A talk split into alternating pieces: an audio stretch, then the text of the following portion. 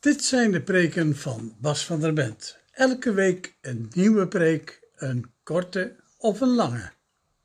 Allereerst de lezingen uit de Bijbel, uit de nieuwste vertaling, de NBV 21. De eerste lezing is uit het boek Genesis, hoofdstuk 28, de versen 10 tot en met 22. Jacob verliet dus Berseba en ging op weg naar Garan. Op zijn tocht kwam hij bij een plaats waar hij bleef overnachten, omdat de zon al was ondergegaan. Hij pakte een van de stenen die daar lagen, legde die onder zijn hoofd en ging op die plaats liggen slapen. Toen kreeg hij een droom. Hij zag een ladder die op de aarde stond en helemaal tot de hemel reikte. En daarlangs zag hij Gods engelen omhoog gaan en afdalen. Ook zag hij de Heer bij zich staan, die zei: Ik ben de Heer, de God van je voorvader Abraham en de God van Isaac. Het land waarop je nu ligt te slapen, zal ik aan jou en je nakomelingen geven. Je zult zoveel nakomelingen krijgen als er stof op de aarde is. Je gebied zal zich uitbreiden naar het westen en het oosten, naar het noorden en het zuiden. In jou en je nakomelingen zullen alle volken op aarde gezegend worden. Ikzelf sta je terzijde. Ik zal je overal beschermen, waar je ook heen gaat. En ik zal je naar dit land terugbrengen. Ik zal je niet alleen laten tot ik gedaan heb wat ik je heb beloofd. Toen werd Jacob wakker. Dit is zeker, zei hij. Op deze plaats is de Heer aanwezig. Dat besefte ik niet. Eerbied vervulde hem. Wat een ontzagwekkende plaats is dit, zei hij. Dit is niets anders dan het huis van God. Dit moet de poort van de hemel zijn. De volgende morgen vroeg zette Jacob de steen die hij als hoofdsteun had gebruikt rechtop en wijde hem door er olie over uit te gieten. Hij gaf die plaats de naam Bethel, maar voordien heette die stad Lutz. De lezing uit het evangelie is uit het evangelie naar Lucas, hoofdstuk 24, de versen 13 tot 35. Diezelfde dag gingen twee van de leerlingen op weg naar Emmaus, een dorp dat 60 stadie van Jeruzalem verwijderd ligt. Ze spraken met elkaar over alles wat er was voorgevallen. Terwijl ze zo met elkaar in gesprek waren, kwam Jezus zelf naar hen toe en liep met hen mee. Maar hun blik werd vertroebeld, zodat ze hem niet herkenden. Hij vroeg hen, waar lopen jullie toch over te praten? Daarop bleven ze somber gestemd staan. Een van hen, die Cleopas heette, antwoordde, Bent u dan de enige vreemdeling in Jeruzalem die niet weet wat daar deze dagen gebeurd is? Jezus vroeg hen, wat dan? Ze antwoordden, wat er gebeurd is met Jezus van Nazareth, een machtig profeet in woord en daad in de ogen van God en van het hele volk. Onze hoge priesters en leiders hebben hem ter dood laten veroordelen en laten kruisigen.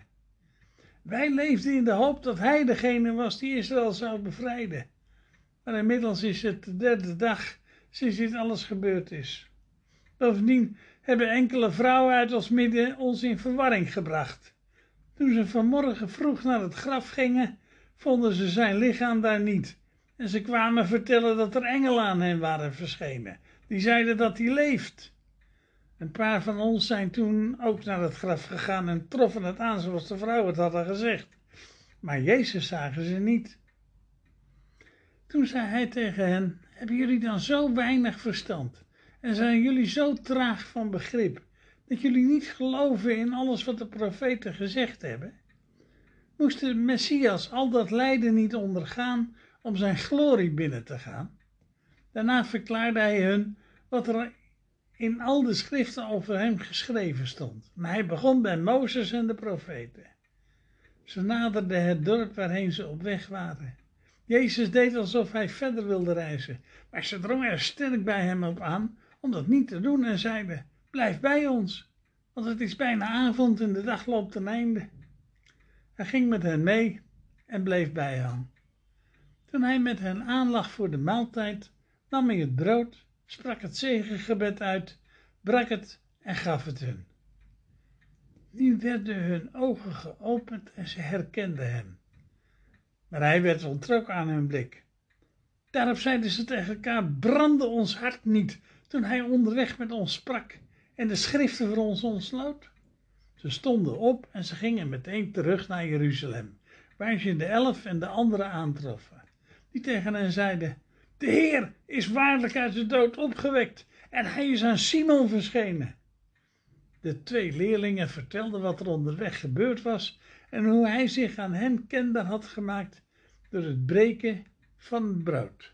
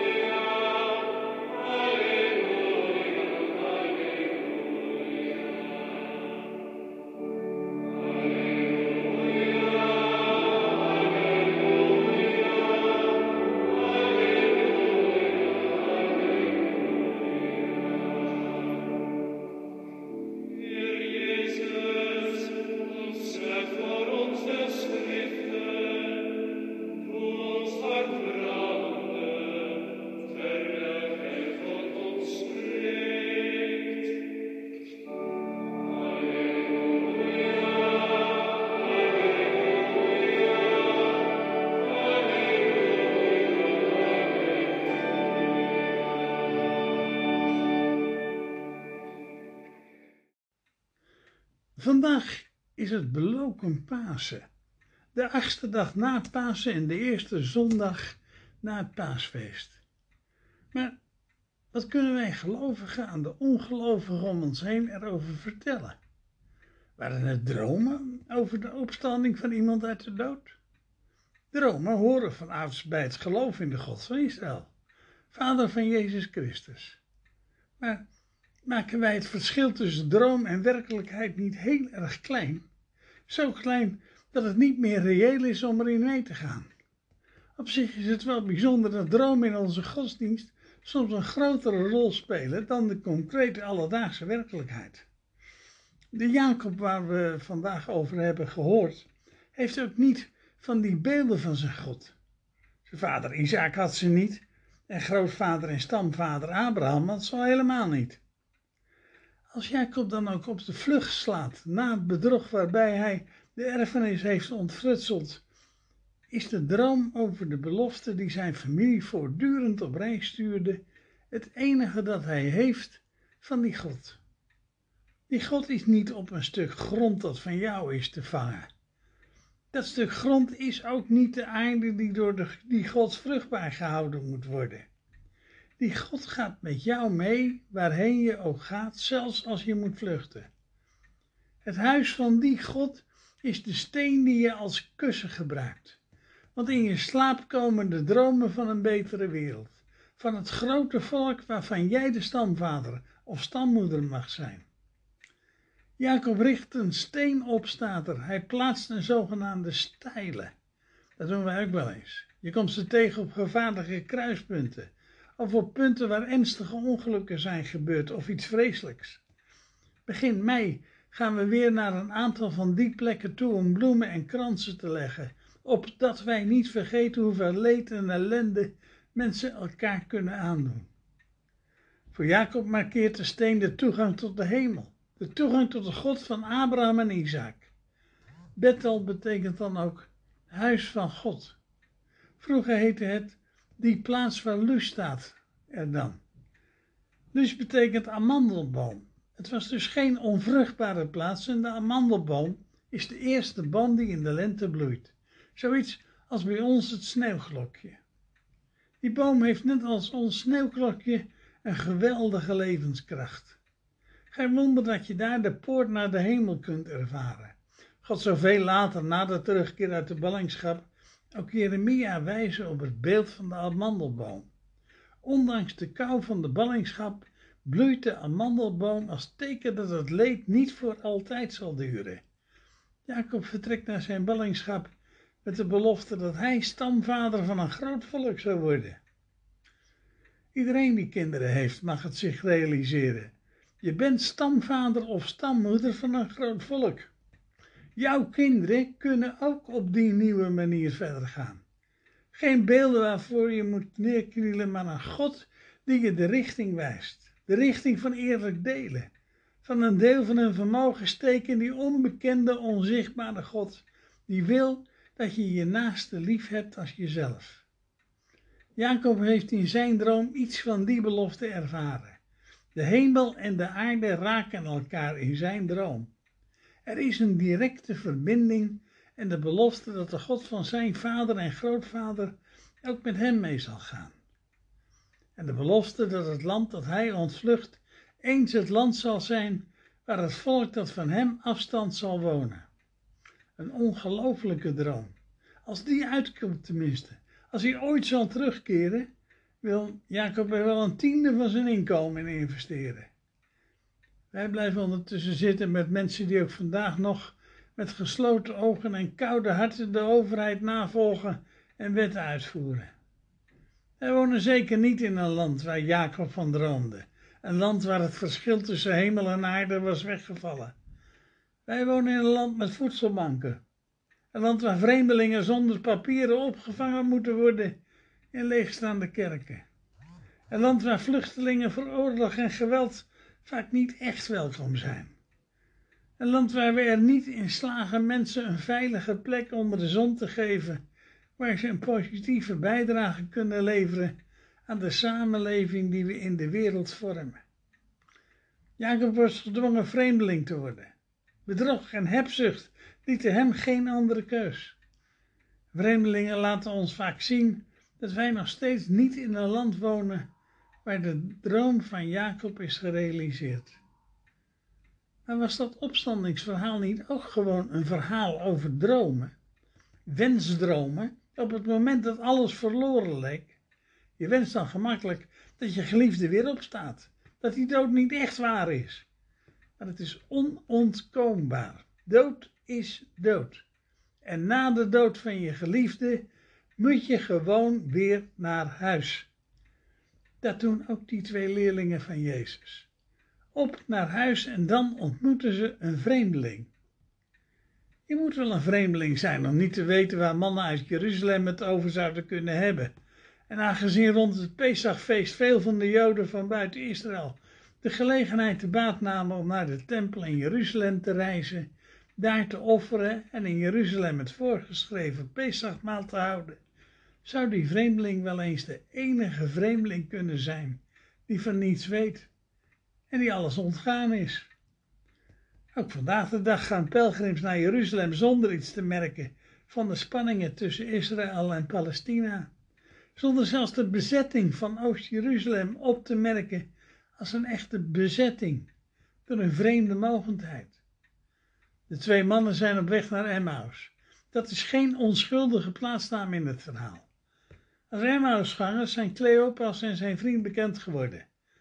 de betekenis van Emmaus is uit onze manier van vertellen verdwenen. En dat is jammer, want het suggereert voor lezers uit de tijd dat Lucas dit heeft opgeschreven. In een tijd van steeds weer opstanden tegen de Romeinen. De keuze voor geweld. In het jaar 68 sloeg Vespasianus, Romeins veldheer en later keizer, in Emmaus een groot legerkamp op, van waaruit hij de aanval op Jeruzalem zou organiseren. De aanval waarbij uiteindelijk de tempel verwoest zou worden. Emmaus was strategisch een belangrijke plek. In het eerste boek van de Maccabeeën vervult Emmaus een vooraanstaande rol in de strijd van Israël tegen de Hellenistische overheersing. Dit boek is wel niet opgenomen in de boeken van de Bijbel, maar als zogenaamd boek is het goed om gelezen te worden. De keuze om naar Emmaus te gaan lijkt daarom een keus voor de militaire strijd tegen het Romeinse Rijk. Toen Jezus geboren werd, waren er al veel opstanden en dat was na de opstanding niet afgelopen. Uiteindelijk zouden ze uitlopen op de verwoesting van de tempel en de verspreiding van de bevolking van Judea en Galilea over heel het Romeinse Rijk. Tegen die achtergrond moeten we het gesprek lezen dat op de weg naar Emmaus gevoerd wordt. Lucas gebruikt hier in het Grieks een woord dat wij later zouden vertalen met preken, maar dat hier vertaald is met vertellen. Ze vertellen aan Jezus van Nazareth, de vreemdeling die met hen is komen oplopen, wat er gebeurd is. Hoe heel het volk hem beschouwde als een machtig en groot profeet. En de uitdrukking geheel het volk staat hier in het verhaal van Lucas voor de twaalfde en laatste maal.